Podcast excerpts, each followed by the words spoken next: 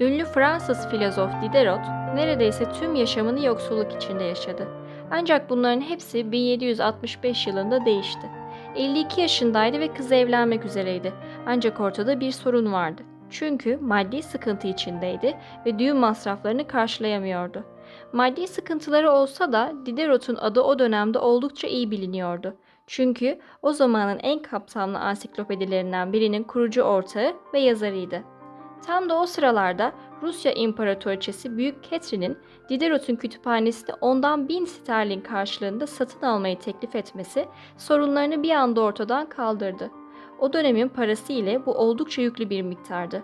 Yüklü bir miktar derken günümüzde 50 bin dolara denk düşmekte. Kızını evlendirdi ve kendisine de küçük bir ödül olarak kırmızı bir sabahlık aldı. Ancak işte sorunlar bu noktadan itibaren başladı. 1769 yılında düşünür, yaşadığı deneyimi bir makalesinde kaleme aldı ve bu sabahlığın hikayesini anlattı. Peki ne mi oldu? Diderot'un kırmızı sabahlığı çok güzeldi. Ancak o kadar çok güzeldi ki mevcut olduğu diğer eşyalar arasında güzelliğiyle sırıtmaya başlamıştı. Evin genel havası bozulmuştu. Her şey onu rahatsız etmeye başlamıştı. Bu bütünlük gereksinimi Diderot'ta tüm eşyalarını iyileştirme arzusunu beraberinde getirdi. Böylelikle eşyaları da yeni sabahlığının gösterişine uyumlu hale gelebilirdi. Çok geçmeden yeni bir duvar halısı, yeni tablolar, yeni baskılar, yeni bir sandalye, gardırop, ayna, yeni bir çalışma masası ve pahalı bir saatle bütün dairesi tamamıyla değişti. Ancak bir daha hiçbir zaman eski sabahlığıyla olduğu kadar mutlu olmadı.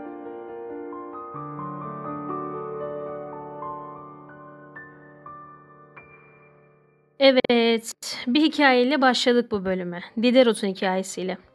Onun bu yazısı neredeyse 250 yıl kadar sonra hala bugün bile psikolog ve pazarlama uzmanları tarafından irdeleniyor ve daha sonra da adını Diderot etkisi koyuyorlar. Diderot etkisi mutlu olmak için ihtiyacımız olmadığı halde birçok eşyayı satın alarak bunu bir alışveriş sarmalı haline getirmek. Yani hayatımızda bize yetecek eşya o kadar az ki diğer aldığımız şeyler sadece bizi daha da mutsuz ediyor ama bunun farkında olmuyoruz. Mesela en pahalı buzdolabı, en pahalı telefon, en pahalı araba gibi. Bunlar bizi gerçekten mutlu ediyor mu yoksa suni ve geçici mutluluklar mı elde ediyoruz? Günün en fazla bir saatini buzdolabından bir şey almakla harcıyoruz ya da haftada en fazla iki ya da üç kez çamaşır makinesine ihtiyaç duyuyoruz. Telefonlarımız kişiliklerimizin aynası gibi. Mesela karşımızdaki kişinin statüsünü hangi marka telefon kullandığı ile ilişkilendiriyoruz. Apple kullanıyorsa yüksek, Nokia kullanıyorsa düşük sınıftan diyoruz. Telefon yetmemiş gibi bir de sırf gösteriş olsun diye en güzel ve en pahalı telefon kılıfını almaya çalışıyoruz. Yetmiyor, kamerası cam gibi çeksin. İstiyoruz çünkü sosyal medyada bir havamızın olduğuna inanıyoruz. Koskoca evrende yalnızca bir toz tanesi kadar yer kaplıyor olmamıza rağmen tüm evreni kendimiz yaratmış gibi görüyoruz. Bunların temel nedeni de işte bu Diderot etkisi. Yeni bir şey alıyoruz ve aldığımız yeni şeye etrafımızdaki eski şeylerin layık olmasını istiyoruz. Onları anısı, değeri var mı diye düşünmeden elden çıkarıyoruz. Çok eski bir çerçeveye çöpe atıyoruz ama antika moda olunca yüzlerce liraya yine aynısını satın alıyoruz. Örneğin geçen sene bir saksı almıştım ve balkonda eskiyip gitti. Daha sonra antikanın daha güzel durduğunu anladığımda antika pazarına gidip daha pahalı eski bir saksı satın aldım. Aslında hepimiz birer Diderot'uz. Beni o saksıya almaya iten şey neydi? Çünkü o balkonda eskiyen saksı da antika olan saksı da çiçeği büyütmeye yetiyordu. Ama beni başkalarının gözünde büyütmeye yetmedi belki de. Evime gelen kişilerin eşyalarımızı övmesini bana kazandırılmış bir statü olarak görüyorumdur kim bilir ya da evime aldığım markalı ürünler bana daha kaliteli bir yaşam sunacakmış gibi. Halbuki sırf başkalarına kaliteli gözükme uğruna bir buzdolabına 3 senemi, bir telefona 36 ayımı ipotek ediyorum. Sonra da o ürünlerin parasını ödemek için aldığım maaşın 3 katı limite sahip olan kredi kartlarımı kullanıyorum. Dönüp geriye bakıyorum da ne çok senelerimiz aslında bankalara köle gibi geçmiş. Mesela Diderot, eski sabahlığımın mutlak efendisiydim fakat yenisinin kölesi oldum diyor. Bunu seneler önce söylemesine rağmen değişen tek şey sabahlık. Onun yerine telefon, yeni kıyafet, araba, mobilya, daha büyük bir ev, yüzüne bile bakmadığımız aksesuarlar geldi. Diderot etkisi yalnızca birey olarak bizi etkilemedi. Yaşadığımız çevreyi, dünyayı da etkiledi. Ben daha çok statü kazanayım diye bir sürü ağaç kesildi örneğin. Daha güzel parklar yapmak için doğal halinde büyüyen ağaçları kestik, yerine budanmış, gözümüze hoş görülen yenilerini diktik. Daha çok araba sahibi olalım diye dünyayı duman altında bıraktık. Daha çok et yiyelim diye üretim çiftliklerinde hormon dolu hayvanlar yarattık. Ve dünyada bir delik de yarattık aslında. Zengin görünmek için hayvanların derilerini yüzdük, üstümüze giydik. Kafalarını kestik ve üstüne basıp zafer fotoğrafları çektirdik. Her gün ihtiyacımızdan daha fazla yemek tükettik. Dünyanın başka coğrafyasındaki insanların kıtlıklarının sebebi yine bizken gözlerimizi kapatıp cep telefonlarımızın kameralarına gülmeye devam ettik. Oturduğumuz yerden hiç tanımadığımız insanların hayatlarına yorumlar yapıp onlara hakaretler ettik. Bu bizi özgürleştiriyor çünkü ve mutlu ediyor. Bu etkiyle birlikte daha da insafsızlaşıp daha da gaddarlaştık. Evimizi hiçbir zaman bize ait olmayan şekilde düzenledik örneğin. Bizim zevkimizden ziyade büyük markaların konseptlerinin zevklerini seçtik. Bugün birbirimizin evlerine bakalım.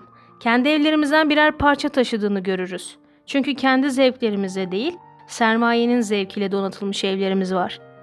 Yaşadığımız için, sevdiğimiz için, güldüğümüz için, nefes alabildiğimiz için mutlu olmak yerine paramız olduğu sürece ve bir şeyler aldığımız sürece mutlu olmaya başladık. Ama bir şeyi unuttuk.